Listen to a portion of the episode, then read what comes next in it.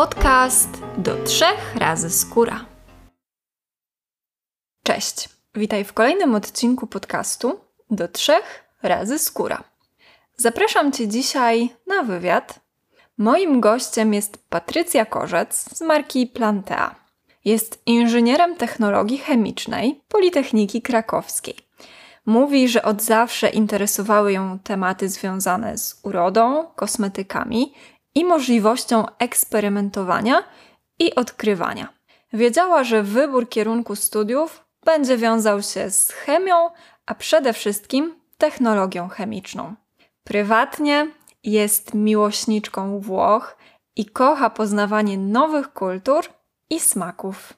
Witaj, Patrycja. Cześć, bardzo mi miło. Domyślam się, że ta miłość do kosmetyków zrodziła się już dużo wcześniej, więc to chyba nie jest przypadek. Ten wybór studiów i później droga, na której jesteś teraz. Przygotowując się chociażby do tego y, podcastu, trochę y, próbowałam przywołać te wszystkie momenty, które, które mnie skłoniły do tego, żeby nawet nie założyć firmy, bo to jeszcze do tego była daleka droga, e, ale żeby w ogóle podjąć takie studia. No i co mnie tak naprawdę zaciekawiło, no bo, no bo czemu technologia chemiczna?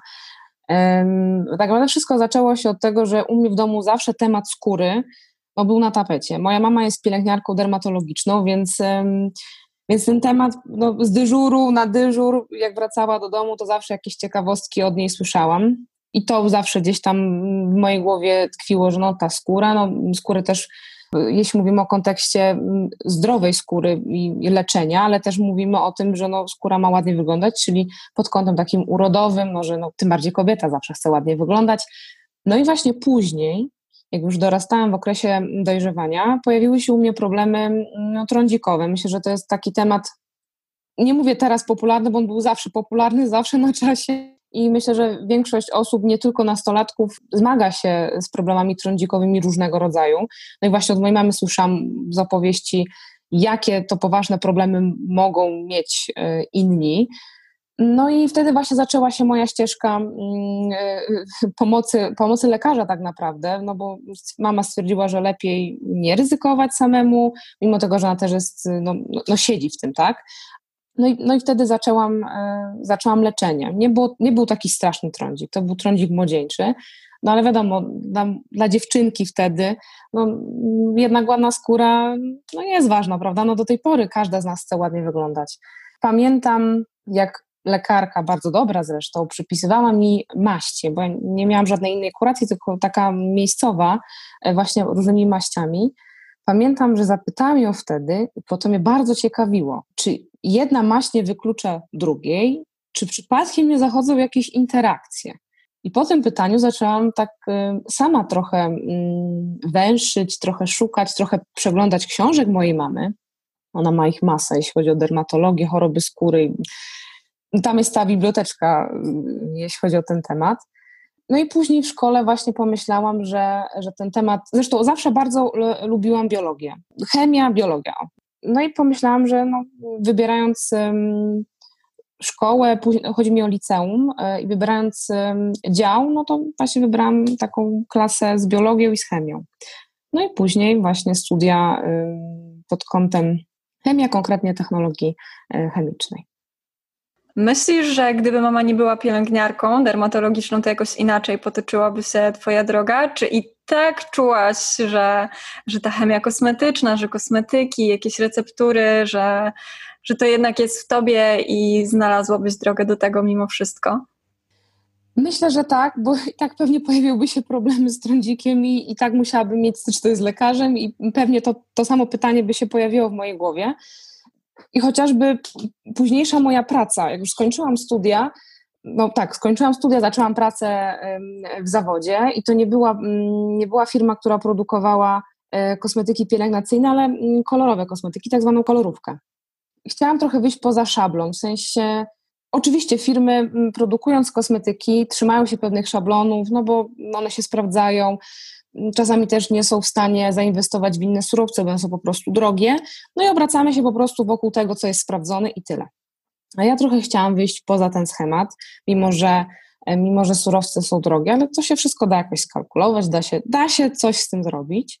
No i przede wszystkim potrzebowałam takiego no, większego rozwoju w, w, w temacie technologii kosmetyków, bo niestety studia nie do końca nauczyły mnie tego, co mnie teraz uczy mm, doświadczenie przez, no, przez pracę. No bo mm, studia są jednak teoretyczne, mimo tego, że mamy zajęcia praktyczne, ale nadal jest ich za mało. Więc miałam jakieś podstawy, dobre podstawy, nie mogę tutaj ująć temu, co się nauczyłam na studiach, ale jednak to odbiegało od takiej rzeczywistości typowej pracy w zawodzie. E, no i wracając jeszcze do tej mojej pierwszej pracy, chciałam wyjść poza, poza te schematy, chciałam próbować różnych innych surowców, które właśnie wtedy, dobrych tych kilka lat temu, zaczęły wchodzić. Mówimy o naturalnych surowcach. Pamiętam, że przeznaczyłam wtedy swoje prywatne, odłożone środki. Jako studentka e, no, nie miałam zbyt wielu pieniędzy, jakichś takich odłożonych na czarną godzinę. To były jakieś drobne pieniądze, teraz z tej perspektywy patrzę i stawiając na szali kupno nowej torebki, nowych butów czy jakiegoś ubrania, postawiłam to, że chcę się dalej rozwijać, no i muszę to zrobić sama, bo nikt za mnie tego nie zrobi. No albo mogę po prostu tak, tak sobie istnieć i nic więcej, więcej nic z tym nie robić. No i pamiętam, dla mnie wtedy to, to był duży wydatek, żeby zamówić podstawowe surowce, no bo trzeba jakąś bazę surowców sobie zbudować, no i plus takie aktywne no to wydałam wtedy kupę pieniędzy, e, ale myślę, że mm, to się opłaciło, bo zaczęłam eksperymentować, zaczęłam próbować, zaczęłam więcej doczytywać, więcej szukać. No i to właśnie wtedy, e, jeszcze nie mając firmy, powstała cała nasza e, technologia Oil Gel. Mimo, że wtedy jeszcze, no, ja to robiłam tylko tak do szuflady dla siebie, trochę ja testowałam, tam wiadomo, moja przyjaciółka, moja mama oczywiście, tacy najbliżsi, no, no bo wiadomo, no ale to właśnie wtedy, w takim zaciszu tak naprawdę domowym, powstała koncepcja kosmetyków Plantea. Okej, okay. jak się rozwinęło dalej w takim razie? Bo zaczęłaś sobie pisać do szuflady, tak jak mówisz, a teraz mamy Plantea. Co po drodze? Proces założenia firmy y, nie był wcale taki krótki. Na początku była, y, było pisanie do szuflady, no i taki, taki swój rozwój, tak? Ale zaczęło mnie to coraz bardziej kręcić. Z pierwszej pracy zrezygnowałam, dostałam propozycję innej, ale mm, to była propozycja pracy w handlu, ale dalej przy surowcach kosmetycznych, więc też bardzo ciekawa, e, ciekawa sprawa. E, w takiej pracy też dużo się nauczyłam, jeśli chodzi, nie mówię tutaj o handlu, to swoją drogą, bo tego też musiałam się nauczyć. E, nauczyłam się dużo z perspektywy takich surowców, od, od strony producenta. Mieliśmy też dużo takich prezentacji, dużo, dużo rozmów z naszymi producentami, e, których dystrybuowaliśmy. Mm, I to była bardzo cenna wiedza, bardzo cenna wiedza. No i właśnie w pracy, tej pracy poznałam Kubę. E, Kuba to jest mój wspólnik.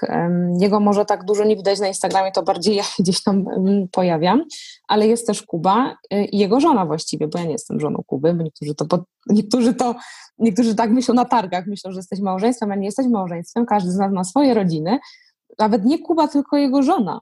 Ja tam wspomniałam oczywiście, że coś tam sobie robię, że też podbierałam, znaczy podbieram, legalnie podbierałam próbki yy, za zezwoleniem oczywiście mojego szefa, yy, te, które my dystrybuowaliśmy. Ja też sobie je testowałam. Mówiłam, że no, to się sprawdza, że to jest bardzo fajne, że to możemy komuś tam zaproponować, to w takiej formulacji na przykład, więc to też oczywiście to była współpraca, to nie było nic, że tam sobie coś na boczku podbieram i nikomu nic nie mówię. W rozmowie z Kubą tak mówiłam, że no zresztą widział, że tam coś robię, coś tam przynoszę. No i kiedyś poprosił, żebym no przyniosła to, co tam zrobiłam. No, że on tam jak facet, tak, no co on tam będzie testować, ale on ma żonę, więc no żona bardzo chętnie y, y, spróbuje I, i Magda to spróbowała i powiedziała, że to jest naprawdę bardzo dobre że na takich produktów jeszcze na rynku y, no nie spotkała się z takimi kosmetykami. No i, że, no i potem Kuba oczywiście wyszedł z propozycją, że no może coś by z tym zrobić. Bo oczywiście się panicznie bałam założenia firmy.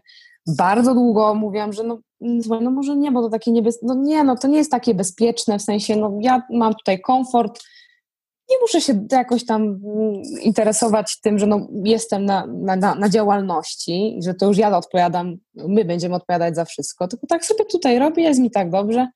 No ale potem jednak przyszła taka myśl i ten taki boom, który do, dookoła tych kosmetyków naturalnych wybuchł i to mnie tak um, skłoniło do, do działania, że, że powiedziałam Kubie, dobra, no to, no, to, no to trzeba spróbować, tak, bo jak się nie spróbuje, to się nigdy nie będzie wiedzieć, a zawsze będzie się żałować.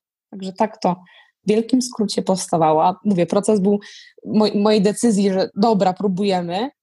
Jednak trochę potrwał, zanim powiedziałam, że okej, okay, Byłam bardzo ciekawa, jak zareagowałaś, czy powiedziałaś od razu, wow, dobra, super, odpalamy firmę od jutra, czy właśnie było takie wahanie, że no może za tydzień, może najpierw się zastanówmy. Od razu wiedzieliście, że wykorzystacie Twoje receptury wszystkie, czy dopiero później przypomniało Ci się, że miałaś jeszcze coś tajnego w swoim zeszycie?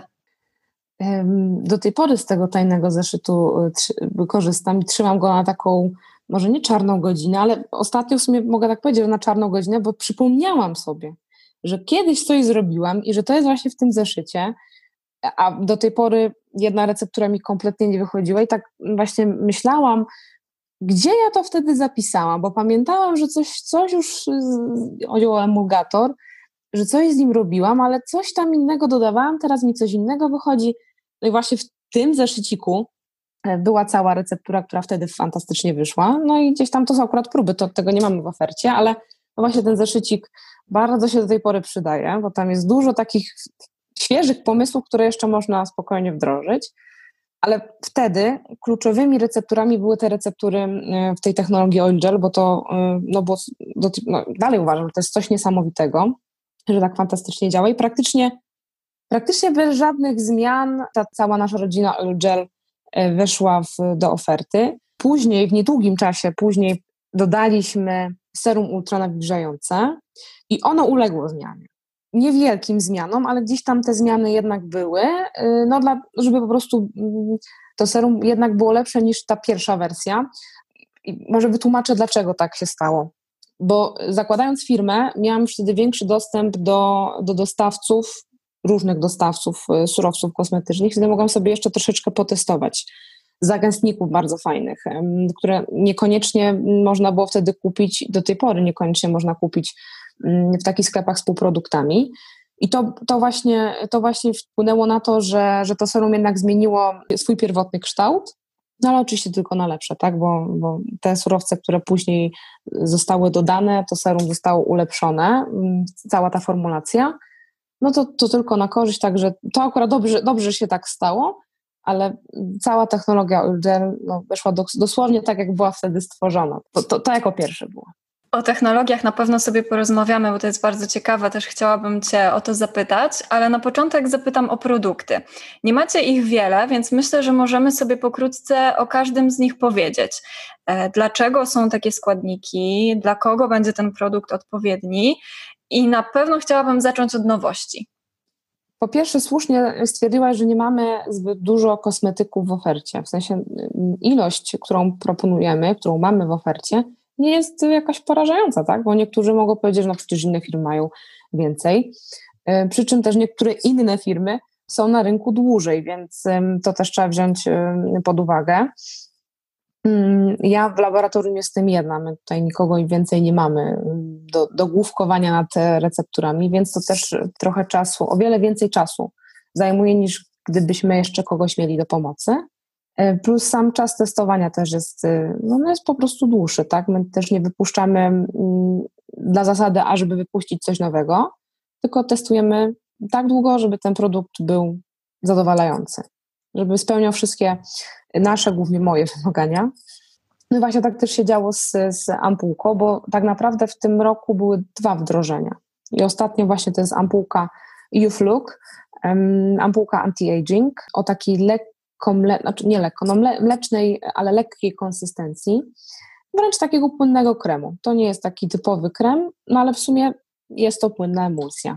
E, I tutaj postawiliśmy w kierunku anti-aging, ale nie tylko, to, bo sam produkt nie jest tylko i wyłącznie do skóry dojrzałej, chociaż jest to w głównej mierze tak skonstruowany produkt, że skóra dojrzała ze zmarszczkami, takimi widocznymi cechami już starzenia się skóry, e, ale też dla cer, które po prostu wymagają takiego doenergetyzowania, e, dotlenienia komórek, przez to, że mamy, może wymienię trzy takie główne składniki, które właśnie wpływają na ten aspekt anti-aging i też takiego dotlenienia komórek. E, pierwszy z nich to jest riboxyl. to jest ryboza, to jest e, cukier. On jest nazywany cukrem życia, tak naprawdę, mm -hmm. bardzo fajna nazwa.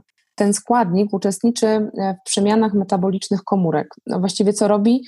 Dodaje im energii, czyli mm, zwiększa mm, to, to oddychanie komórkowe, a co za tym idzie, jeżeli te komórki są odpowiednio natlenione, to, to przez to no, zwiększa się produkcja kolagenu, kwasu hialuronowego. Działamy też właśnie tak prewencyjnie przeciwko, przeciwko zmarszczkom, żeby one nie powstawały, żeby też te białka strukturalne, te mm, substancje, które są budulcem naszej skóry, żeby tak szybko y, się nie niszczyły albo żeby je troszeczkę zregenerować. No i właśnie ten składnik też wpływa na to, że nie tylko te skóry dojrzałe mogą stosować ampułkę, bo często jest tak, że jesteśmy niewyspane, zmęczone, skóra też jest poszarzała z różnych przyczyn, tak? Niektóre panie mają małe dzieci, które ciężko pracują, długo pracują, no, albo po prostu jesteśmy niewyspane, albo za oknem, chociaż dzisiaj w Krakowie jest bardzo ładna pogoda, e, ale wczoraj było tak szaro, że aż smutno, e, więc też siłą rzeczy, no, mm, no ta skóra też nie będzie tak fajnie wyglądać. Stąd ten riboxyl, czyli ryboza, bardzo dobrze działa na takie pobudzenie komórek. I właśnie pobudzenie komórek do działania. Kolejne dwa składniki to jest SWT7, to są nazwy handlowe.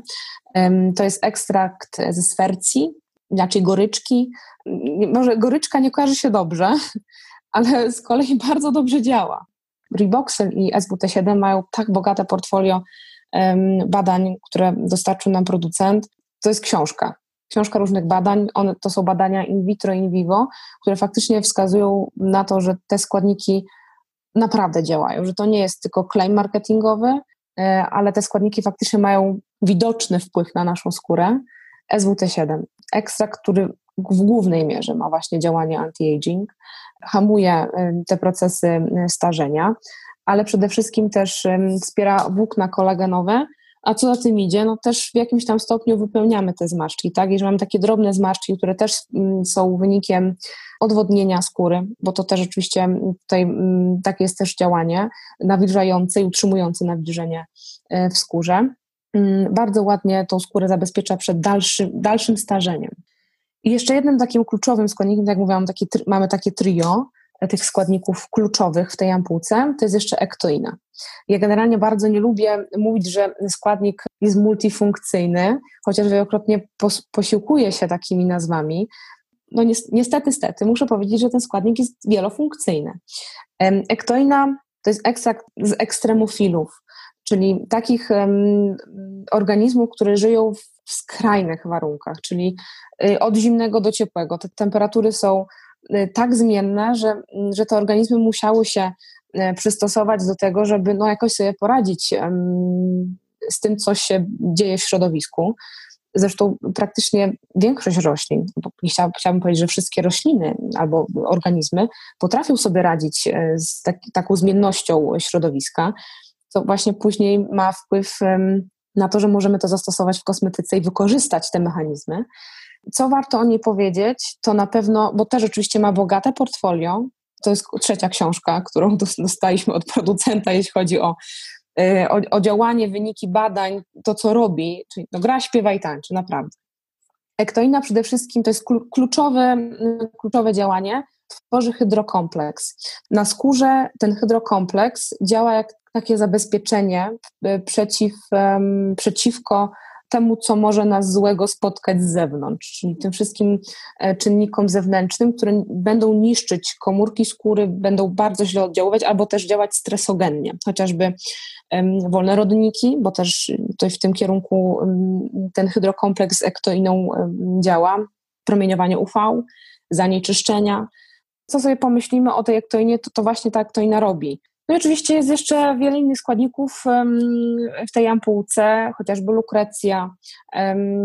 Bardzo lubimy lukrecję, właściwie nie jest to taka czysta lukrecja. To nie jest słodzik, to nie jest nic, to nie jest cukier, to nie jest nic słodzącego. Tak naprawdę w smaku jest słodkie, no ale zero kalorii. Ma takie właściwości silnie łagodzące, silnie regenerujące i zabezpieczające skórę też przed złymi czynnikami zewnętrznymi, które no, cały czas nas tutaj atakują.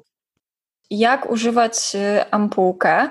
Czy to będzie w zależności od potrzeb mojej skóry, czyli na przykład jestem osobą dojrzałą, to używam sobie dwa razy dziennie, a jestem młodą osobą, potrzebuję na przykład glow, to używam sobie jako serum trzy razy w tygodniu, czy też mogę używać codziennie.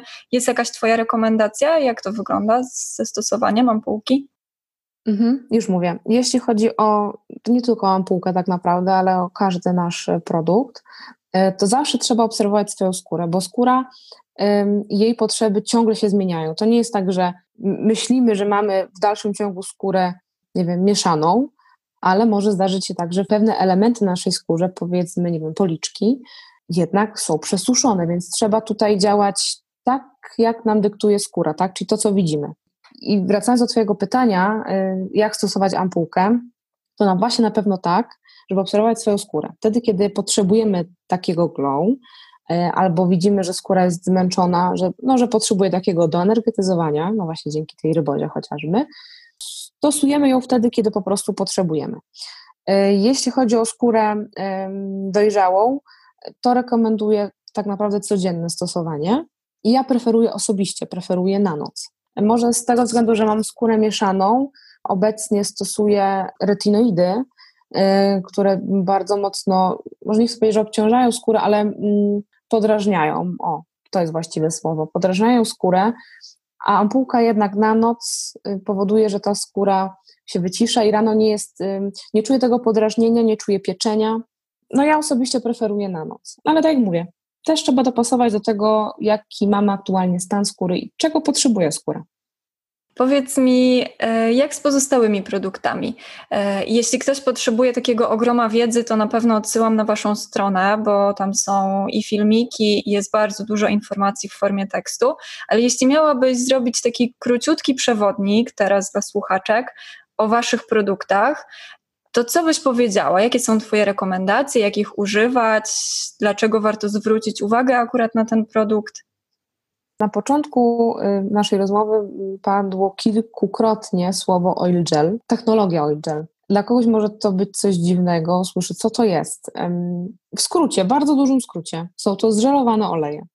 W tej technologii mamy kilka produktów, tak naprawdę trzy produkty. E, jest to galaretka do twarzy i do ciała, kremowy żel do mycia twarzy i orzechowy peeling do twarzy i do ciała bazą tych kosmetyków, tych trzech kosmetyków, o których wspomniałam, e, są właśnie zżerowane oleje.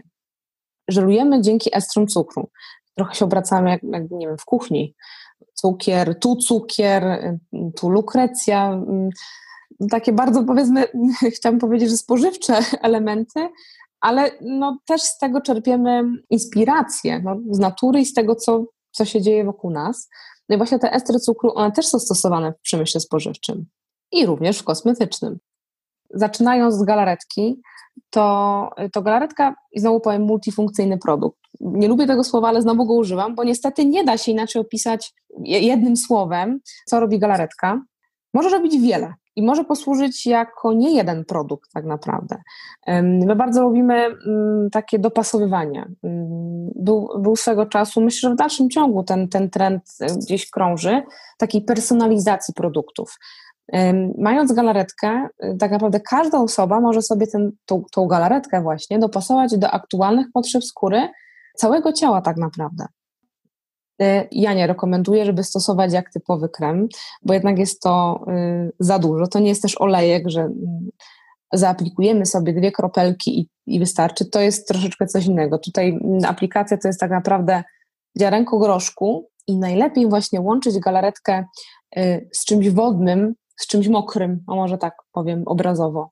Może, może to być nawet zwykła woda, bo y, galaretka to jest taki magiczny produkt, który y, pod wpływem czegoś wodnego, czegoś mokrego zmienia się w mleczko albo krem nawet.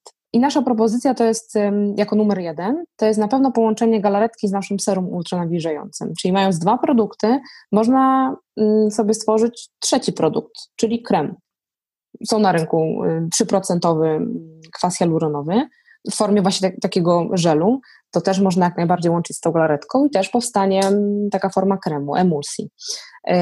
Z żelem aloesowym może być hydrolat, może być jakiś tonik, I tutaj można właśnie sobie personalizować produkt, czyli mając galaretkę, ona jest taką bazą, robimy sobie kolejny kosmetyk, tak naprawdę przy mniejszym budżecie, tak, bo nie potrzebujemy kolejnych kremów, tylko wystarczy sobie te kosmetyki, które już mamy na półce, jakoś je wykorzystać.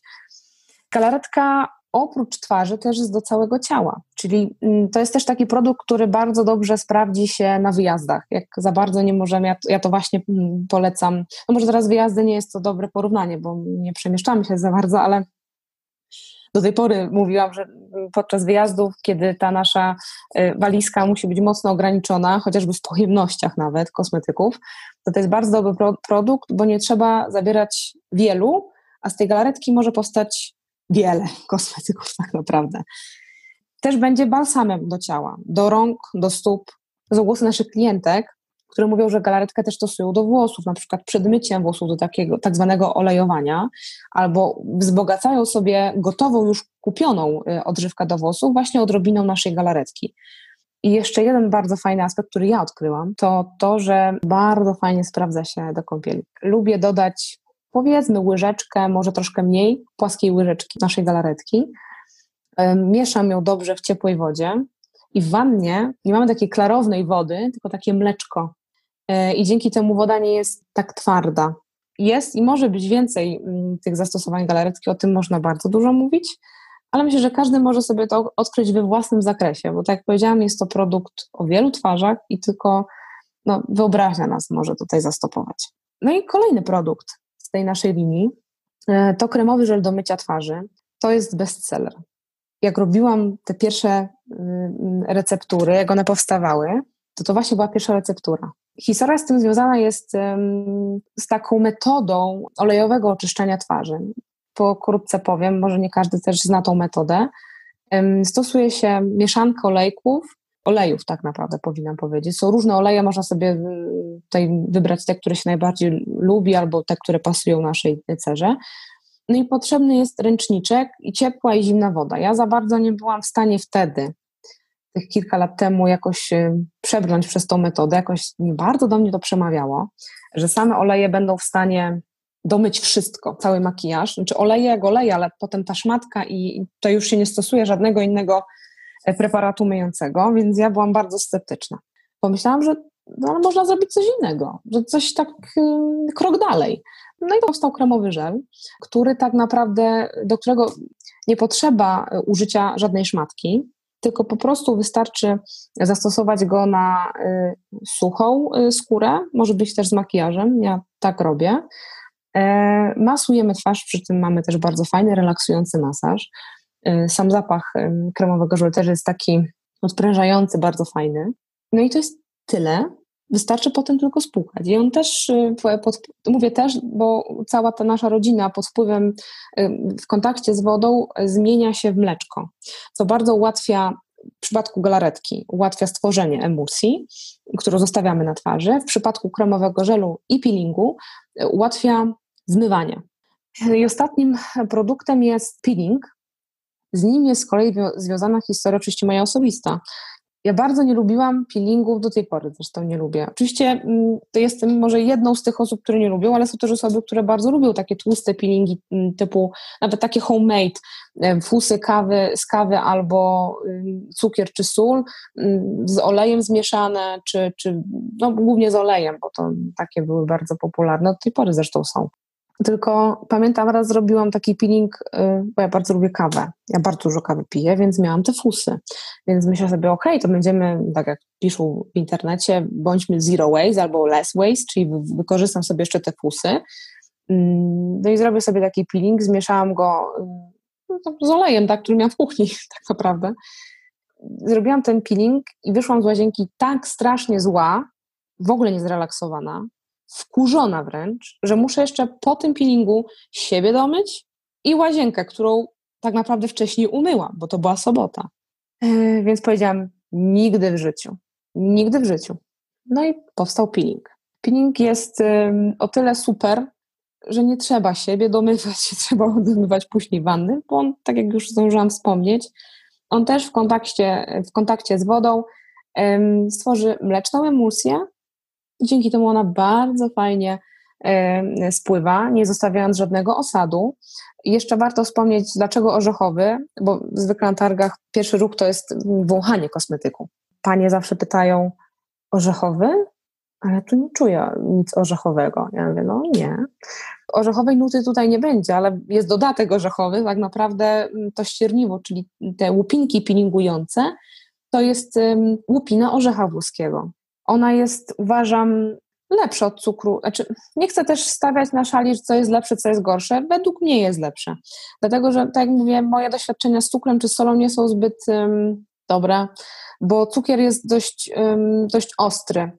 E, I nawet ja, mając skórę taką, która dużo wytrzyma, e, no nie bardzo lubiłam tego, tego takiego pocierania. Sól z kolei, owszem, ma mniejsze te kryształy, ale nie wiedząc, że mamy gdzieś przeciętą skórę, gdzieś zranioną, no to wtedy pod prysznicem mocno poczujemy, bo ta wtedy zacznie piec. Dlatego wybrałam łupinę orzecha, no to jest łagodniejsza. Mimo, że się może wydaje, że a łupina orzecha, no to twarde. No, no tak, no twardsze, ale mm, nie jest, to, nie jest to kryształ, tak jak sól czy, czy cukier, a równie dobrze, ale nawet delikatniej, na pewno delikatniej e, ściera martwy naskórek. Może jeszcze jedna kwestia, e, dla jakich e, typów ser, bo to też się często takie pytanie pojawia. Peelingi są przeznaczone praktycznie do każdego typu skóry, bo nasz peeling jest i do twarzy, i do, mm, i do ciała, ale w momencie, kiedy mamy skórę naczynkową albo skłonną do pękających naczynek, to żaden peeling mechaniczny, nieważne jakby był delikatny, albo miał bardzo, bardzo delikatne drobiny ścierające, nie będzie odpowiedni. Ale pozostałe skóry jak najbardziej, mm, no chyba, że ktoś nie chce do twarzy, to oczywiście on jest też do ciała, więc można sobie tutaj też stosować tak lub tak. Mm, no zależy od osoby, zależy właśnie od, od cery albo od, pro, od problemów. Kremowy żel do mycia twarzy polecamy przy każdym typie cery, bo tutaj zastosowane oleje i w galaretce są te same oleje, dlatego mówię o jednym i o drugim produkcie może od razu. Zastosowane są oleje o niskim wskaźniku komedogenności. Wiem, że dużo osób boi się stosowania olejów. Ja też się bałam, bo olej jednak kojarzy się z czymś, co może zatykać pory. No zawsze tak się może stać, tylko zatykanie porów to też jest to nie jest jedna strona medalu, tylko tego jest, są dwie strony medalu tak naprawdę. No nie tylko to, że olej będzie zatykać, ale może też coś innego spowodować to zatykanie porów. Trzeba też obserwować skórę, to swoją drogą, ale odpowiednia aplikacja, mówię teraz w przypadku galaretki, no raczej tego nie powinna tutaj zdziałać, czyli mówię o zatykaniu porów skóry. No a kremowy żel, no nie zostawia takiej tłustej warstwy na skórze, w ogóle nie zostawia takiej warstwy tłustej zostawia, powiedziałabym, taką, zawsze to tak ujmuję, normalną skórę. W sensie mm, nie naciągniętą, nie zostawia takiego efektu, że ok, ja już umam twarz i teraz muszę, w, muszę mieć w pogotowiu krem, cokolwiek, bo jak wytrę ręcznikiem z resztek wody, to w momencie ona będzie tak spięta, mm, że no, no, no nie da się. No tak się nie dzieje w przypadku żelu, więc tak naprawdę miałam, miałam kilka takich zdarzeń, że y, umyłam twarz naszym żelem, ja go stosuję i, i rano, i, i wieczorem. Pamiętam jednego poranka zapomniałam nałożyć krem. Skroiłam się, w sumie jak już zaczęłam nakładać krem BB. Aha, no w sumie to zapomniałam jakiegoś kremu, ani serum, nic nie nałożyłam, bo nie, nie czułam tak naprawdę potrzeby. Myślę, że przy peelingu warto też powiedzieć, dla Ciebie to jest pewnie oczywiste, ale wiele osób się zastanawia też, że przy jakichś zmianach trądzikowych albo jakimś takim dużym wykwicie też nie używamy, bo ja się spotykam często tak. z tym, że przychodzą mamy na przykład z nastolatkami i chcą to wyszorować tak porządnie, najlepiej ziarnistym peelingiem, także zawsze staram się jeszcze przypominać o tym, że nie w tę stronę. I chciałam też zauważyć, że u ciebie, jak o tym opowiadasz, to jest takie proste, że a w sumie wkurzały mnie olejki, to sobie zrobiłam swój olejek, a w sumie wkurzał mnie peeling, to zrobiłam sobie swój peeling. Hop, proste. Wiesz co, bo ja też unikam takiego powiedzenia, że też trochę w tym prawdy też jest, że marka powstała, albo te produkty powstały, bo moje potrzeby były takie, a nie inne.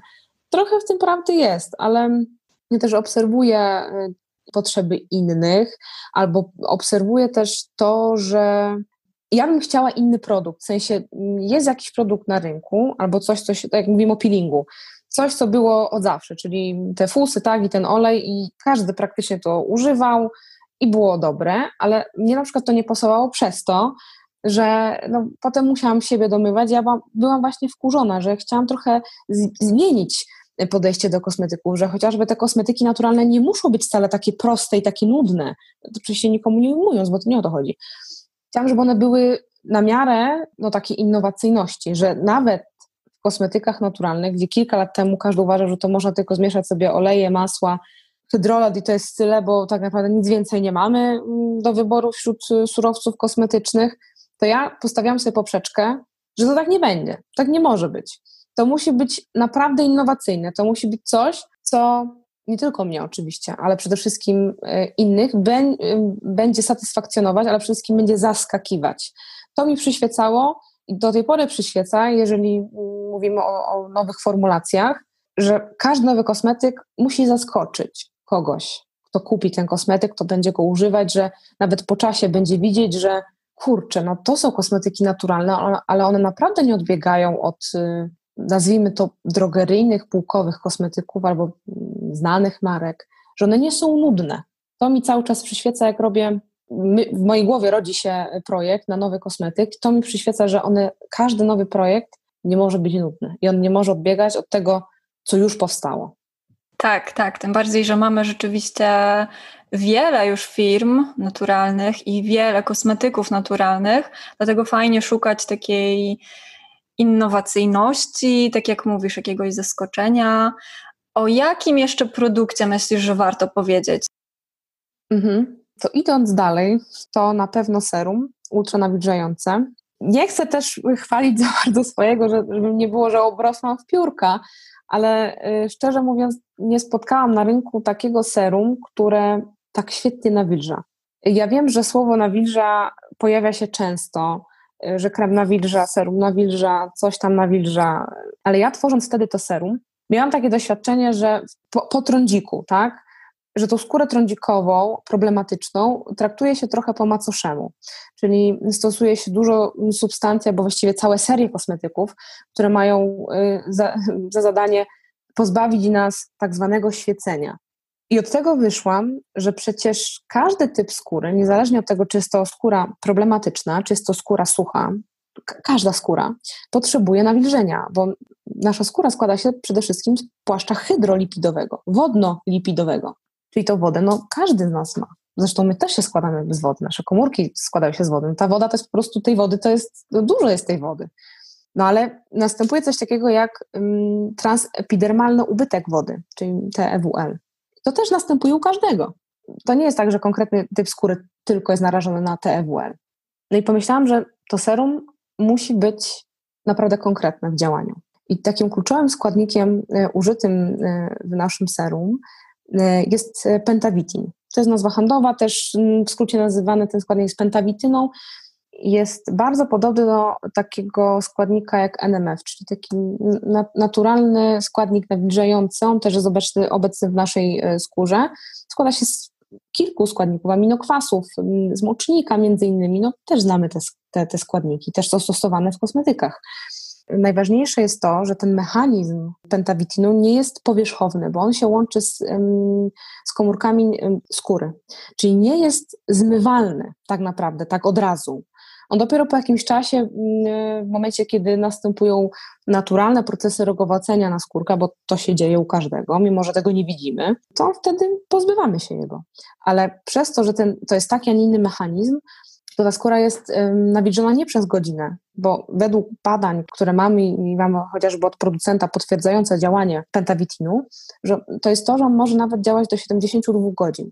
Czasami jest y, tak, że kończy mi się serum. Ja to mówię, że szewcy bez butów chodzi, czyli muszę czekać do kolejnej produkcji, bo sobie zapomniałam przynieść z laboratorium. No i zdarza się, że przez jakiś tam czas potrafię nie używać serum. Ale w momencie, jak już przyjdzie ta produkcja i pamiętam, żeby sobie wziąć y, fiolkę i nakładam serum po, po, po tym czasie, to czuję taką ulgę i myślę sobie wtedy, kurczę, to jest super produkt. Że ja tak codziennie go używając, można o tym zapomnieć, bo my też często przyzwyczajamy się do tego, do, do, do tego jak kosmetyk ma działać i już nie, nie widzimy takiego efektu. Ja też jestem jedną z tych osób, które zapominają, że ten kosmetyk, tak, dany kosmetyk bardzo fajnie działa, potem już nie widzę większego efektu, no bo przyzwyczajamy się do, do tego efektu, a nie do kosmetyku. I dopiero właśnie po tym czasie stwierdzam, że o, to jest ulga. Jak nakładam serum, ja wtedy widzę już po skórze, że mając skórę mieszaną, ona jest, ma, ma tendencję do przetłuszczania się w strefie T. Ale to serum fantastycznie reguluje ten poziom wydzielania sebum, przez to, że to nawilżenie jest cały czas utrzymywane, że ono nie jest powierzchowne. Także tak w skrócie mówiąc, no, oczywiście serum ma też inne składniki, ale o tym konkretnym, o pentawitinie, bo to jest jeden z moich ulubionych kosmety- surowców kosmetycznych, y, no mogłabym mówić bardzo długo, dlatego też chciałam zwrócić między innymi na ten składnik uwagę, też podkreślając, że serum ultranawilżające naprawdę jest nawilżające, że to nie jest ściema, że to nie jest żaden klej marketingowy, tylko on naprawdę fantastycznie nawilża. No i też oczywiście można łączyć z galaretką, przypominam. Kolejna technologia. Pierwsza była oil gel, teraz mamy technologię HIPE. To jest krem mikrobiota. Tajemniczy skrót HIPE. To może od początku. Każdy z nas używa różnych kremów. Niektóre kremy są lekkie, mm, a niektóre kremy, powiedzmy drugi rodzaj kremów, e, to są kremy cięższe, takie tłustsze. Oczywiście teraz technologie poszły do przodu, surowce też poszły do przodu, więc nawet te cięższe emulsje da się y, wykonać tak, żeby one nie były takie ciężkie na skórze. Nie, nie będą się świecić, jak powiedzmy po posmarowaniu się masłem sza. O to mi chodzi. To mamy takie podstawowe dwa typy emulsji, ale jest jeszcze trzeci. Znaczy, no, jest jeszcze więcej powiedzmy, ale mm, trzeci. Nie chcę tutaj zbyt dużo y, odnóg do, do typów emulsji robić, bo o tym też można byłoby bardzo dużo mówić. E, ale mamy te dwa typy emulsji, no i mamy emulsję HIPE. HIPE oznacza połączenie tych dwóch typów emulsji, czyli lekki i ciężki, w jedną emulsję. Jak ktoś ze słuchaczy e, zna naszą markę i e, miał już styczność z, z kremem mikrobiota, to wie, że on, jak się odkręca słoiczek, to widać, że ten krem jest taki, no jest brylantowy, jest fajna konsystencja, ale nie przypomina ona lekki na pierwszy, na pierwszy rzut oka widzimy, co jest w słoiczku, następnie nakładamy na skórę. No oczywiście na początku on jest taki, no widać, że no okej, okay, czyli pewnie cięższy krem będzie, to jest pierwsze skojarzenie. I po pewnym momencie następuje to, co my opisujemy, tak zwany quick break, czyli zmienia się nagle w inny typ emulsji, czyli mamy na początku do czynienia, o no ciężka emulsja, będzie ciężko rozsmarowywać, a po chwili robi się taka wodna, robi się bardzo lekki i nie, nie będzie takiego odczucia na twarzy mm, takiej tłustości, ciężkości, która no, czasami może towarzyszyć takim cięższym kremom. Mikrobiota ma za zadanie obudować e, nasz płaszcz hydrolipidowy, o którym już dzisiaj też była mowa. No i mikrobiom. Temat mikrobiomu cały czas jest um, rozwijany.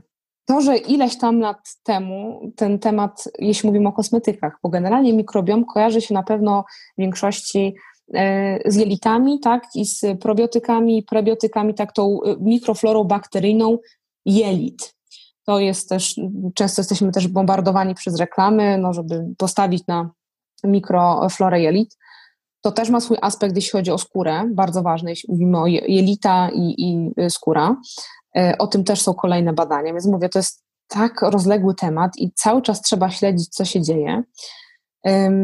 No ale ten trend tak naprawdę przeniósł się też na kosmetyki, bo probiotyki, prebiotyki, albo też w sumie postbiotyki, albo i symbiotyki, w skrócie, co to w ogóle wszystko jest? Probiotyki na pewno kojarzą się wielu osobom, znowu yy, odniosę się do, do tego, do jelit, do tego, co możemy przyjmować do ustnie, kojarzy się z, ze szczepami różnych bakterii. Y, zwykle kwasu mlekowego, tak, pałeczki kwasu mlekowego, y, dużo mówi się o tym, żeby jeść kiszonki. No właśnie to, to są te naturalne y, probiotyki, które wspierają no, jelita, ale też wspierają skórę. Mamy prebiotyki, czyli substancje, które z kolei mają wspierać to, bo to nie, są, to nie są bakterie, to nie są żadne szczepy bakterii, tylko to są substancje, które mają za zadanie wspierać obronę skóry, jakby powiedzmy wspierać też probiotyki, czyli to jeśli mówimy o jelitach, to probiotyki są takim, taką pożywką dla, dla tych dobrych bakterii. W kosmetyce, w naszym kremie chociażby, takim probiotykiem jest alfa-glukan e, oligosacharyt, e, substancja, która ma przede wszystkim nawilżać e, i tworzyć taką barierowość na skórze, znaczy barierowość, ochronić po prostu skórę. Jeśli mówimy o probiotyku, bo to nie jest jeden do jednego, jeśli mówimy o suplementach diety, a składniku, który mm, chociażby u nas jest zastosowany jako e, probiotyk, to jest, jakby to w skrócie powiedzieć, to jest lizat bakterii. Co to jest lizat bakterii? Taki wyciąg z bakterii. Tak to można powiedzieć, bo to my też nie możemy wprowadzić żywej bakterii w kosmetyk. Zresztą ten kosmetyk wtedy też by nie przeszedł e, badań pod kątem e, mikrobiologicznym. Żaden konserwant też by tutaj nie zakonserwował, bo no nie dałby rady najpewniej. Stąd pozyskuje się ten wyciąg y, z bakterii, też ze ściany bakterii, no i on jest właśnie stosowany w, w kosmetykach. I co to w ogóle ma zrobić na, na, naszej skórze? E, przede wszystkim wzmocnić ten płaszcz hydrolipidowy, o którym już mówiłam, e, wzmocnić barierowość skóry i też taką odporność na niekorzystne czynniki zewnętrzne. E, co może być takim czynnikiem zewnętrznym? O tym też już dzisiaj była mowa. Myślę, że każdy sobie doskonale zdaje sprawę, że smog, ja żyję w Krakowie, więc myślę, że dla słuchaczy z Krakowa, ale też większych miast, y, temat jest y, bardzo dobrze znany. Promieniowanie UV, zmienne temperatury, które też nie wpływają dość dobrze w ogóle na naszą skórę. Więc tych czynników zewnętrznych może być bardzo dużo, stres chociażby. Stres też bardzo źle wpływa y, na kondycję skóry, co, co zostało też udowodnione i też wpływa źle na, na naszą odporność nie tylko tą wewnętrzną e, układu odpornościowego, ale też tą, mamy też odporność skóry. Nie wiem, czy mm, o tym się może mało mówi, może nie każdy o tym wiedzieć, ale skóra też ma swoją odporność. Są odpowiednie komórki, które za to odpowiadają. Ten krem powstał po to, żeby trochę tą skórę wspomóc w działaniach chroniących przed tymi czynnikami zewnętrznymi. Co takiego ja, konsument, może zrobić, żeby jeszcze ten swój mikrobiom jakoś wspomóc, jeśli chodzi o skórę? Bo powiedziałaś o tych czynnikach zewnętrznych, a czy są jakieś działania, które mogą mu szkodzić? Nie wiem, na przykład mydło albo solarium? Generalnie nie stosuję mydeł i może, mówię też to otwarcie, ja jestem przeciwniczką stosowania mydeł, nawet tych naturalnych, dlatego że one na to są też badania, jeśli chodzi o, o mikrobiom właśnie, że jednak to wysokie pH, które no, mydła mają wysokie pH, zasadowe pH, jednak wpływa niekorzystnie na mikrobiom naszej skóry, na te bakterie, które żyją na naszej skórze, bo ich, my ich tutaj gołym okiem nie zobaczymy, ale te bakterie sobie bytują, my po prostu je mamy, są też złe bakterie.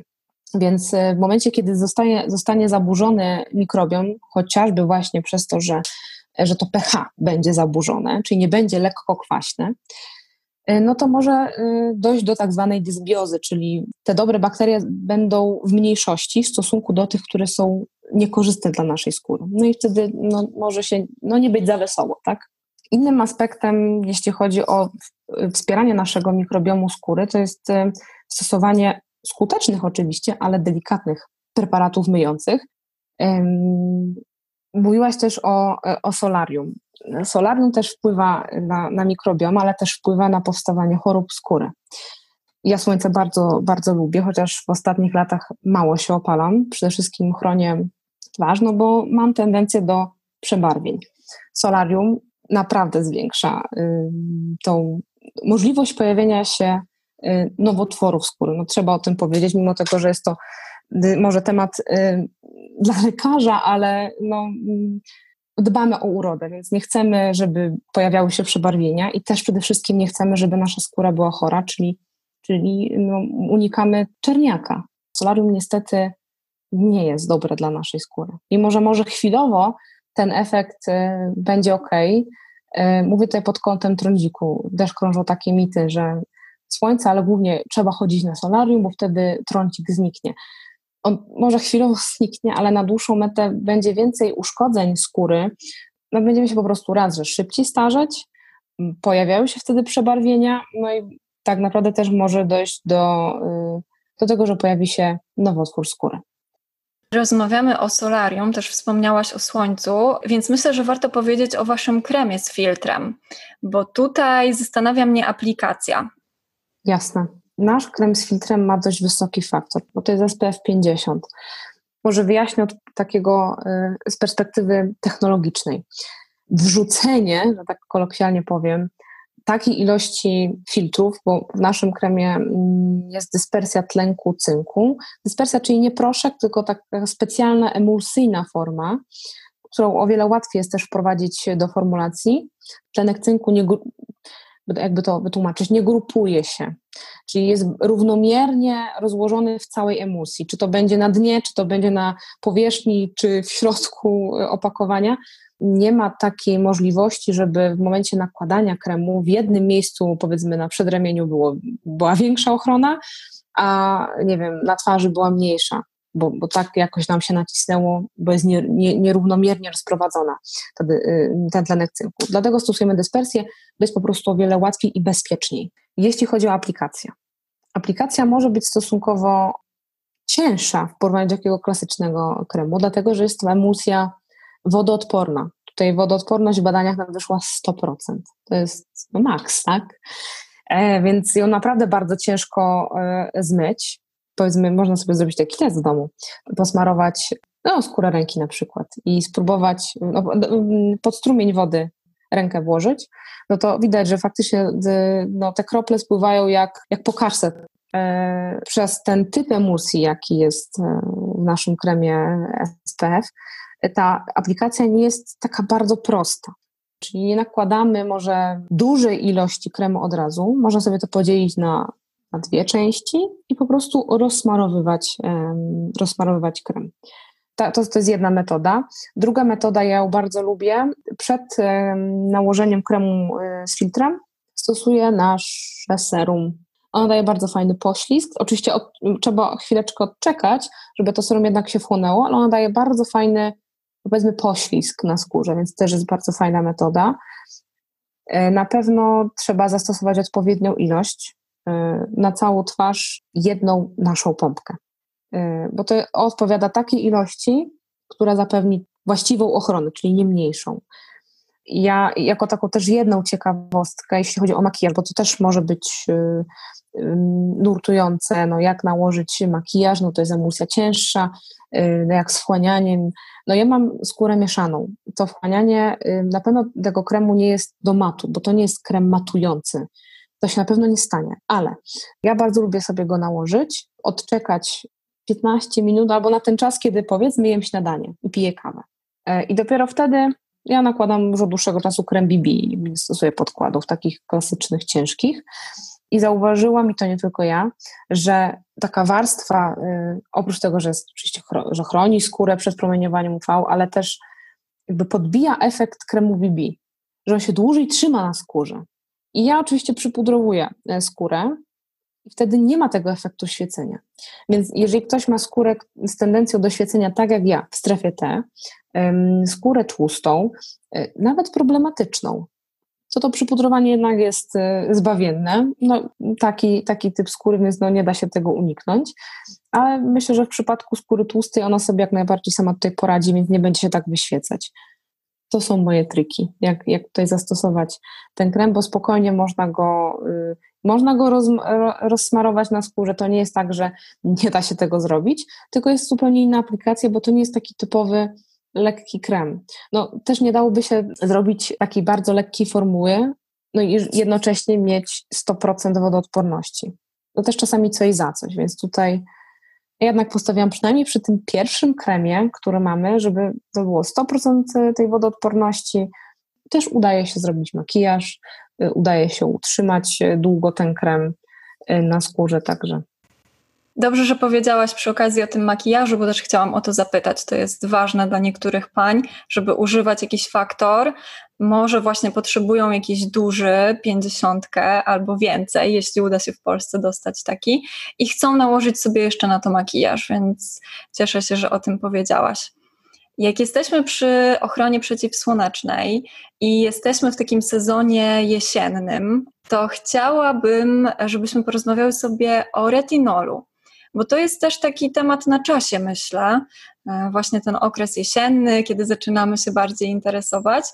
I używasz retinolu, więc myślę, że możesz powiedzieć też o swoich odczuciach, o jakichś radach, jak używać, żeby nie zrobić sobie krzywdy na przykład. Właśnie, retinol jesienią wraca jak bumerang. Temat retinolu, stosowania retinoidów. Tak naprawdę mm, przyjęło się, że retinol jest fotouczulający, ale tak naprawdę on może być fotouwrażliwiający. Więc na dobrą sprawę zawsze, nieważne jaka jest pora roku, czy jesień, czy są też osoby, które stosują w lecie, ale na przykład nie opalają się, ale też stosują przy takiej kuracji, e, stosują krem z filtrem. To jest jednak podstawa. E, od czego w ogóle trzeba zacząć? Na pewno trzeba zacząć od tego, że retinol lub retinoidy to substancje silnie działające. Na pewno przed stosowaniem e, retinolu czy jego pochodnych warto skonsultować albo z bardzo dobrym kosmetologiem, albo z lekarzem dermatologiem, bo też można sobie zaszkodzić właśnie przez to, że no, albo dawka nie będzie dostosowana, albo forma retinolu. Retinol to jest taka podstawowa forma, bardzo dobrze znana wszystkim. Mamy też różnej generacji retinoidy, na przykład y, takim innym retinoidem, retinolem, może tak to wytłumaczę, może być adapalen. Ja obecnie stosuję adapalen. To nie jest taki typowy retinol, to jest pochodna. Ma taki mechanizm działania właśnie jak retinol.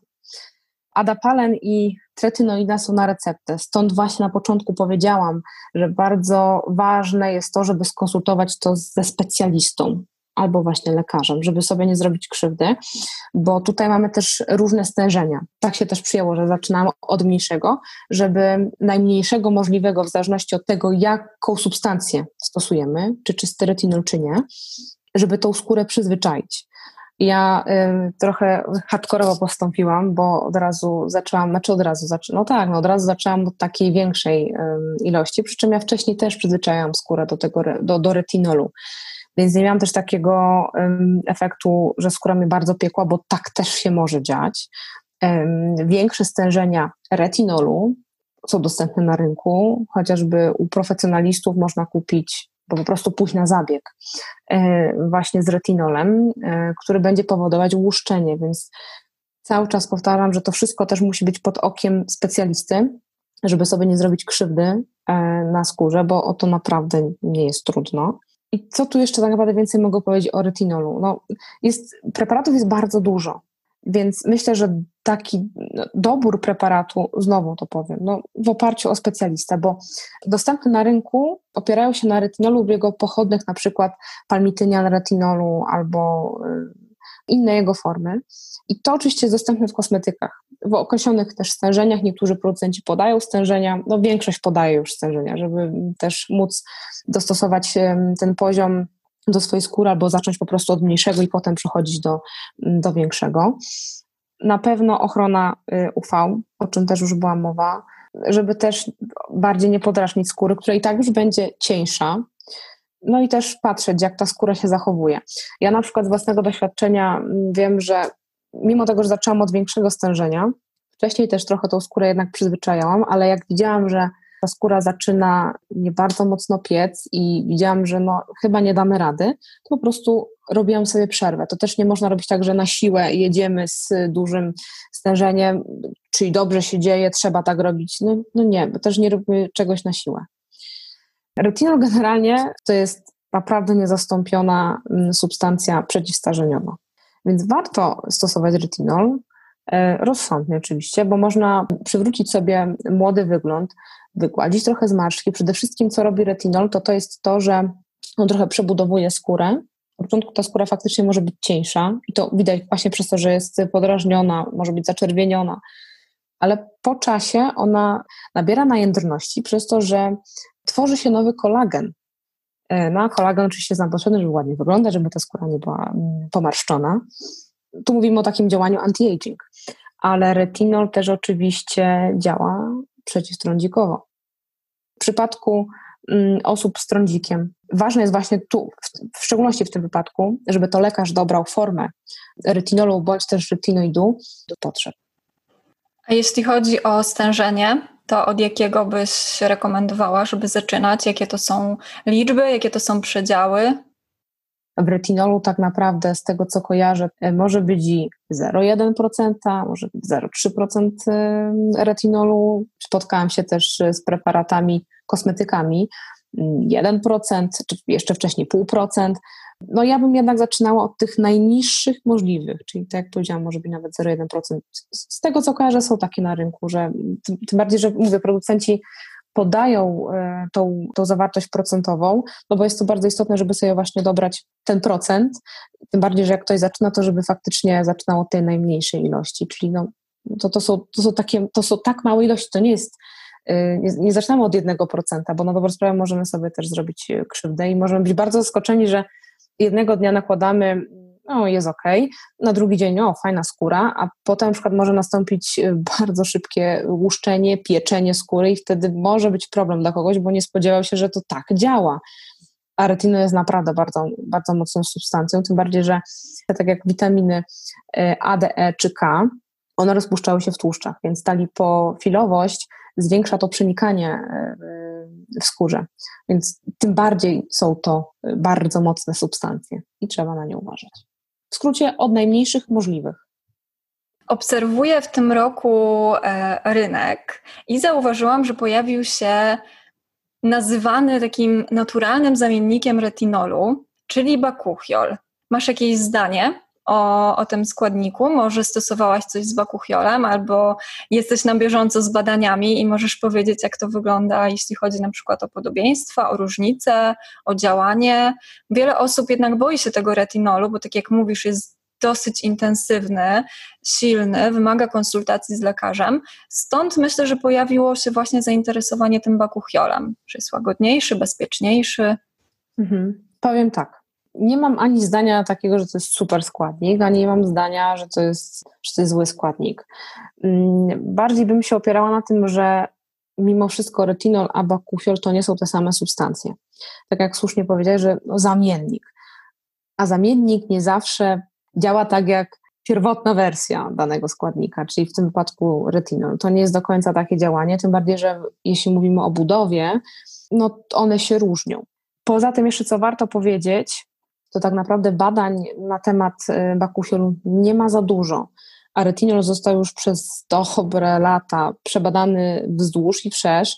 Są liczne badania, mm, jeśli chodzi o stężenia, o różne preparaty, na jakich skórach był stosowany i tak dalej, także tego jest cała masa. Y, a w przypadku bakufiolu nie i dalej jest to dość nowy, mm, nowa substancja, nie do końca jeszcze poznana. Nie mówię, że nie jest przebadana, bo to proszę tego w ten sposób nie rozumieć. Tylko chodzi mi o to, że nie porównujmy retinol versus ym, bakuchiol, że to są te same substancje, albo tak samo działające. No bo nie do końca, tak? Tutaj jednak trzeba je znacznie rozróżnić. Wiem, że się pojawił na rynku i to dość mocno jest, widać go w drogeriach, widać go u różnych firm. Ja na niego nie postawiłam. Ja bardziej stawiam na tradycję. To, że nie mamy nic z retinolem, chociaż e, w serum ultranawilżającym jest, ale to jest bardzo mała ilość e, retinolu, bardzo, bardzo mała. To, to, ten retinol tutaj nie jest jako główny składnik, no ale on tam jest też w tym serum ultranawilżającym. Także mm, mm, trochę może powiedziałam, że gdzieś tam w planach mamy coś z retinolem, ja tam coś e, doczytuję i myślę i dumam, jaki by tu składnik wybrać, bo retinol zresztą jeszcze też może warto wspomnieć, to jest ciężka substancja, jeśli chodzi o wprowadzenie do formulacji, bo ona jest bardzo niestabilna, bardzo niestabilna, ona bardzo szybko może ulegać utlenianiu i są oczywiście substancje, które anty, antyutleniacze, które będą stabilizować retinol, ale ja na przykład takiej substancji nie mogę wprowadzić do kosmetyków naturalnych. I mm, moja praca teraz to polega na tym, że muszę szukać takiego surowca, który będzie spełniał te wszystkie wymagania, które ja muszę spełnić, żeby ta moja etykieta no, była dalej na, naturalna. Więc no, szukam tak, takiej wersji i stabilnej, i takiej, która będzie naprawdę dobrze działać. No jest tego, jest dużo różnych form. Ja wiem, każdy może pomyśleć, że no przecież już ktoś tam, jakaś firma ma taki, taką formę retinolu, tutaj ktoś ma taką. Ja wiem. Ja na razie jestem na etapie dobierania odpowiedniej formy retinolu, bo mówię, nie ukrywam, że gdzieś tam z tyłu głowy sama chciałabym mieć taki preparat, no właśnie z retinolem albo z jakąś pochodną, oczywiście, która jest dostępna i możliwa do stosowania w kosmetykach. No tak to z tym retinolem bywa, że to bardzo fajna substancja, naprawdę y, no, no ponadczasowa na tego, tak na dobrą sprawę. Można było krzyknąć retinol, że jest taką małą czarną którą w sumie każda kobieta powinna w szafie mieć i taki, tak retinol mm, można też określić, to jest moje zdanie, no bo działa cuda, tylko no rozsądnie i najbezpieczniej trzeba go stosować. Jeśli chodzi o, o to wprowadzanie retinolu do Waszych produktów, to tak jak mówiłaś na początku, Plantea to technologie i przede wszystkim zaskoczenie. Więc założę się, że będzie szereg badań i dobrego researchu, żeby nas, konsumentów, jakoś zaskoczyć nowym produktem, kompletnie nowym na rynku. Będę się starać. Dobrze. Chciałabym, żebyś e, w ramach podsumowania naszej rozmowy podzieliła się ze mną trzema mitami, które najbardziej Cię bolą, jeśli chodzi może o kosmetyki naturalne, albo w ogóle pielęgnację twarzy, albo ciała, coś, co uważasz, że trzeba od zaraz obalić. Tak, my bardzo lubimy obalać mity, co też robimy u siebie. Trzy takie może klasyczne albo najczęściej y, po, powielane. Pierwszy z nich będzie dotyczył no, oczyszczania skóry. Oczyszczanie według mnie kojarzy się z tym, że jednak trzeba tą skórę dobrze zrobić demakijaż, potem jeszcze oczyścić, ale nie powinno to mm, bazować na chusteczkach do demakijażu. To jest właśnie ten mit, że stosowanie e, chusteczek do demakijażu zastępuje tak naprawdę y, mycie twarzy, że to wystarczy, że przytrzemy taką chusteczką i, i to jest tyle. Oczywiście chusteczki do demakijażu bardzo dobrze sprawdzą się na wszelkich wyjazdach, tak? kiedy gdzieś tam musimy faktycznie ograniczyć ilość kosmetyków, więc to generalnie jest ok, ale nie jest ok w momencie, kiedy my zastępujemy całkowicie y, etap oczyszczania na rzecz tylko i wyłącznie y, chusteczek do demakijażu.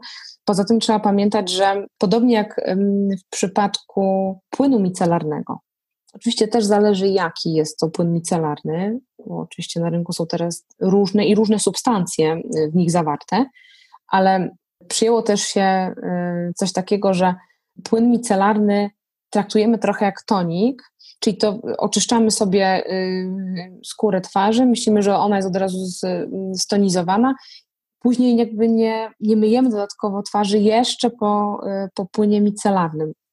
Chciałabym tylko zauważyć, że płyn micelarny to, to jest taka trochę namiastka żelu do mycia twarzy, tylko że ona jest w formie płynnej, czasami jest też w formie dwufazowej, y, nie jest taka gęsta jak klasyczny, typowy żel do mycia twarzy ale tam są przeważnie zawarte takie substancje myjące, które normalnie byśmy w przypadku żelu zmyły z twarzy.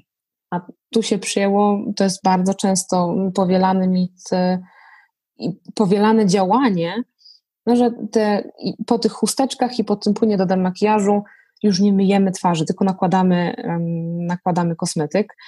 A co to może powodować? No generalnie to może powodować raz, że niedokładnie oczyścimy twarz, to jest, to jest przede wszystkim, więc niedokładne oczyszczenie twarzy powoduje, że to na co nakładać krem w sumie, no jak ona nie jest do końca oczyszczona, no to w sumie po co już ten krem, tak ja myślę. A z drugiej strony dalej na skórze zostaną substancje myjące, które mogą, mówię, nie muszą, ale mogą spowodować albo od razu, albo po pewnym czasie wystąpienie mm, podrażnienia, no bo jednak one będą na tej twarzy. Jeżeli ktoś faktycznie chce i bardzo lubi płyn micelarny, czy nawet te chusteczki do demakijażu, okej, okay, super. Tylko pamiętajmy, żeby jednak potem jeszcze jakiś jeden krok wcielić. Mówię o procesie oczyszczania codziennego i przede wszystkim trzeba obie te substancje, bo na chusteczkach też są przecież substancje, są mokre. Trzeba zmyć.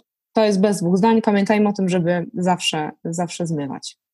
Kolejny mit w dalszym ciągu się pojawia, bo chociażby widzę w różnych pytaniach kobiet, jakie, jaki krem mm, polecasz, czy tam polecacie mm, do skóry 45. Plus. Ja no, generalnie to dalej to będzie mm, tak wyglądać, dlatego że chociażby w drogeriach też na opakowaniach y, kosmetyków widnieją napisy, że tam do skóry jest y, przeznaczone jest do skóry 70 plus, 60 plus, 50 plus i tak można sobie wymieniać, że tam ten wiek jest podany. Owszem, w miarę no, starzenia się, tak, nasza skóra i nasze potrzeby skóry się zmieniają, ale ja bym raczej tak nie kategoryzowała że y, dany krem jest tylko do skóry 50, plus, bo i tak on zawiera najpewniej substancje silnie nawilżające, różne humektanty, zawiera ekstrakty i tak dalej. Chciałabym, żeby tak było, że te kosmetyki są dobierane z głową, e, a nie, że y, mam 50 lat i jaki mam krem kupić, tylko i wyłącznie do, żeby tam pisało, że 50 lat czy 50 plus. E, bardziej obserwować siebie, tak, że mm, widzę, że mam suchą skórę, więc nie patrzę, że krem jest do 50, plus, tylko szukam takiego preparatu, niekoniecznie kremu oczywiście, który ma za zadanie nawilżać, utrzymywać nawilżenie, wiązać w naskórku tą, tą wodę, przeciwdziałać odparowywaniu tej wody z naskórka.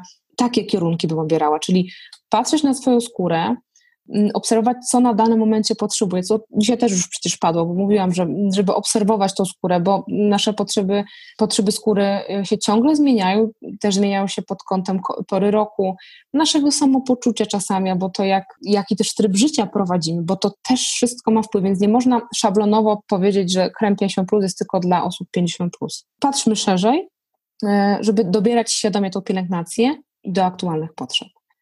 No i co? I może jeszcze jeden taki, taki ostatni zostawiam, bardzo fajny, bardzo fajny mit.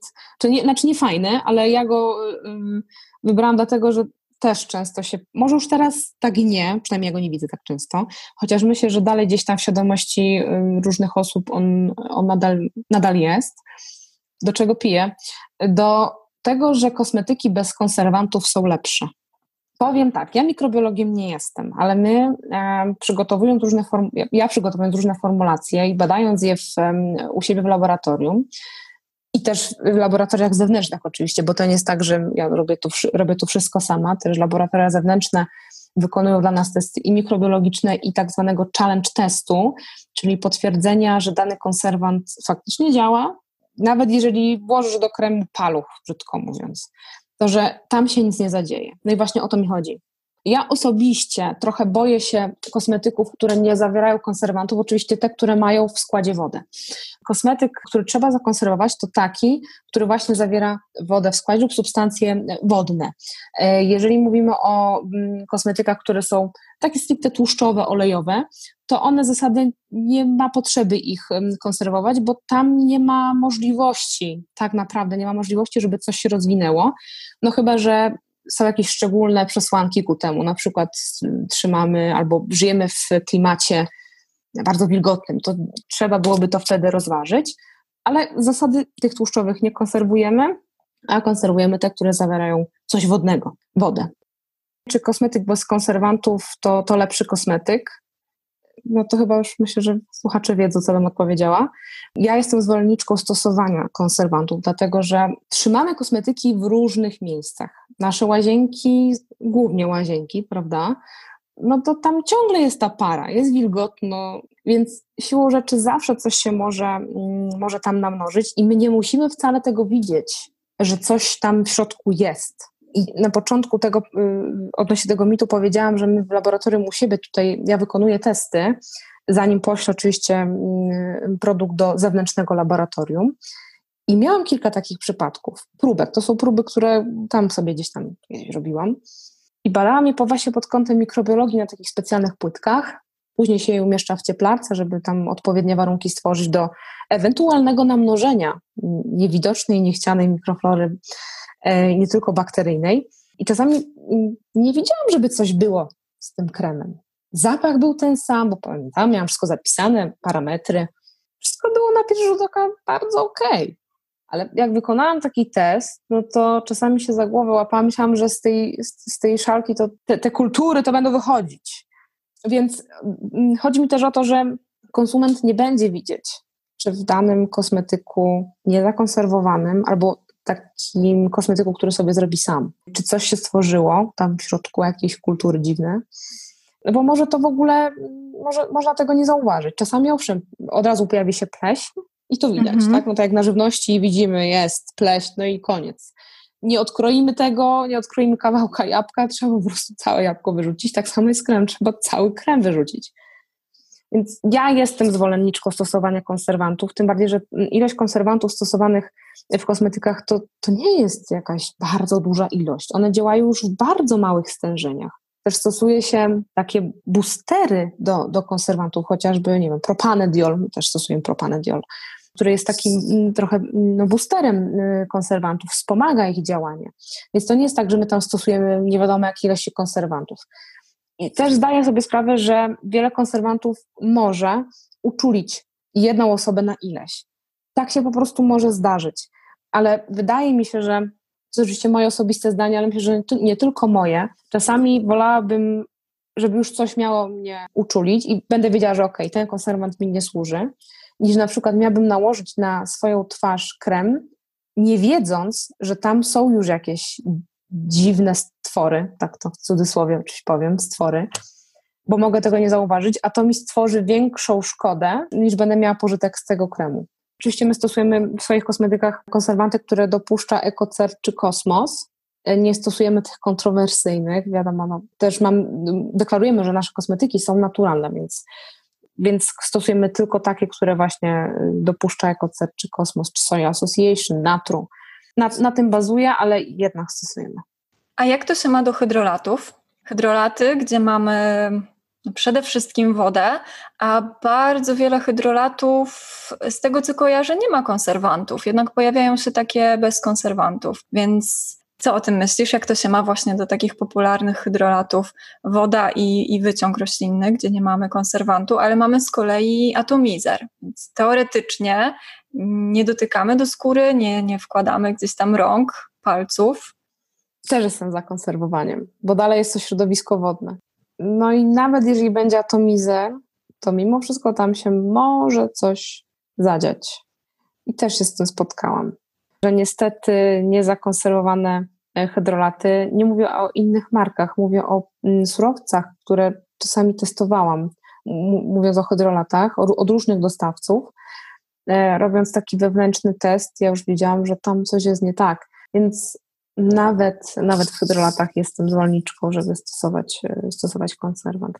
Jeszcze może warto wspomnieć, że owszem, są na przykład takie opakowania i niektóre bardzo duże firmy mogą sobie na to pozwolić, bo tutaj mówimy też o, o dużych ilościach i też strefach, w jakich pakują kosmetyki, stwarza bardzo minimalne ryzyko. Są na takie firmy, które deklarują, że na ich kosmetyk nie jest konserwowany, jest pakowany w takie, a nie inne opakowanie, które ma potwierdzenie, że tam się nic nie stanie. I dodatkowo też y, mówią, że mają jakość farmaceutyczną, czyli tam już jest w ogóle tak mega clean, tak jak leki się produkuje, tam już w ogóle się nie wchodzi, tam jest specjalny, specjalny ubiór, taki naprawdę hardkorowy, to tak z tym się zgodzę, tym bardziej, że mają potwierdzenie badań tak, na, na to, że nic się nie stanie. My na przykład mm, stosujemy RLS-y. Wiem, że plastik też może nie kojarzy. Plastik, w cudzysłowie plastik, ja nie lubię też słowa plastik, to są tworzywa sztuczne. Że plastik, znowu mówię plastik, nie, nie, no mówię takim potocznym językiem, bo generalnie większość tworzyw sztucznych po prostu określa się jako plastik. Stąd y, też używam tego y, skrótu myślowego. Też stosujemy, jeśli mówimy o dwóch y, naszych kosmetykach, czyli krem z filtrem i kremowy żel. I tu stosujemy airless, czyli jak sama nazwa wskazuje, mniej powietrza, albo praktycznie w ogóle tam, no tam się powietrze nie dostaje. Sam produkt też jest, jest dodatkowo chroniony przed powietrzem. Powietrze też tutaj ma wpływ no, chociażby na utlenianie produktu, no, na szybsze jełczenie, tak, jeśli mówimy o masłach, olejach. Więc takie opakowanie też tutaj mm, będzie bardzo dobrym zabezpieczeniem produktu, Oczywiście też zależy, jaki mamy produkt. To też no, no, temat opakowania to też jest kolejna, kolejny temat rzeka, o którym można byłoby bardzo dużo mówić. Kończąc tylko tą myśl opakowań, y, tak jak mówiłam, są pewne typy opakowań, które jednak zwiększają tą ochronę danego typu kosmetyku po prostu. I można mniej zastosować konserwantu. Oczywiście trzeba to też poprzeć testem, czyli tym challenge testem, czyli nic się nie dzieje, to mikrobiologo, także jest masa też badań, Mm, kosmetyk, który klient dostaje, on musi mieć szereg badań. Tak jak powiedziałam, mikrobiologia, challenge testy, dermatologia. Dermatologia jest wymagana.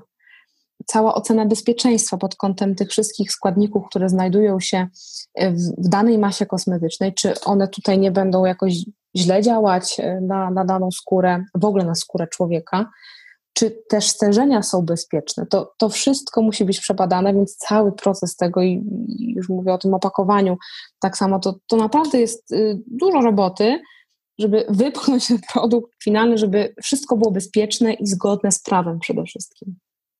To tak, tak w sumie dygresja była tych opakowań, tych konserwantów, tak to wszystko się jakoś yy, zbiegło, ale to jednak są takie tematy od nogi, tak, że one się i tak łączą w jedno.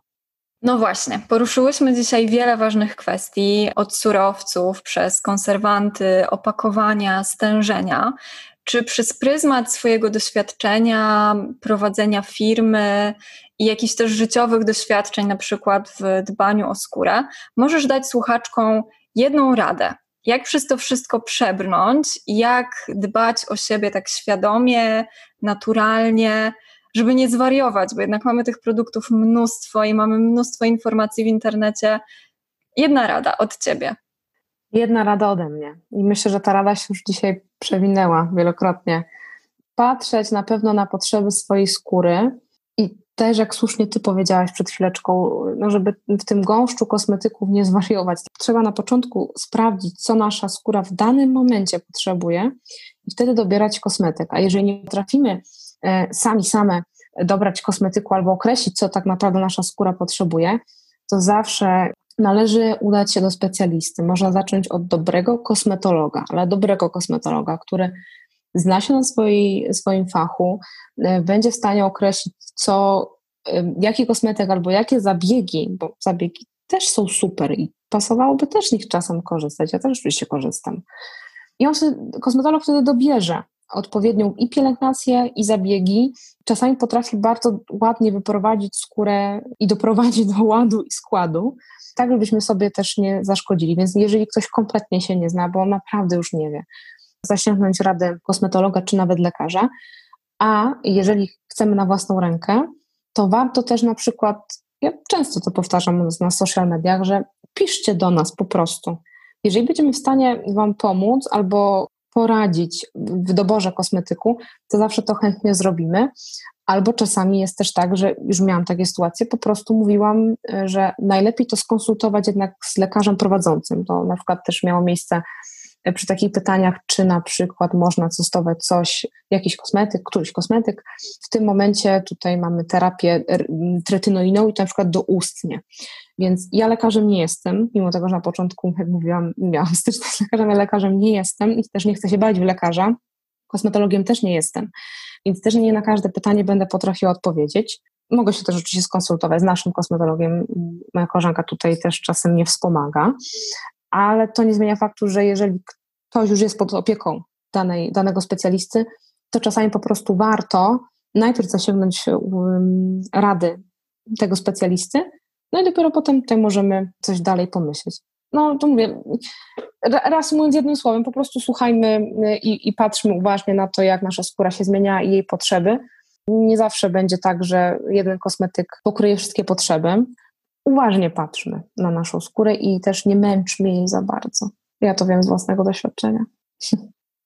Tak, to jest bardzo dobra rada. Właśnie to przestymulowanie skóry i, i żeby jej nie męczyć.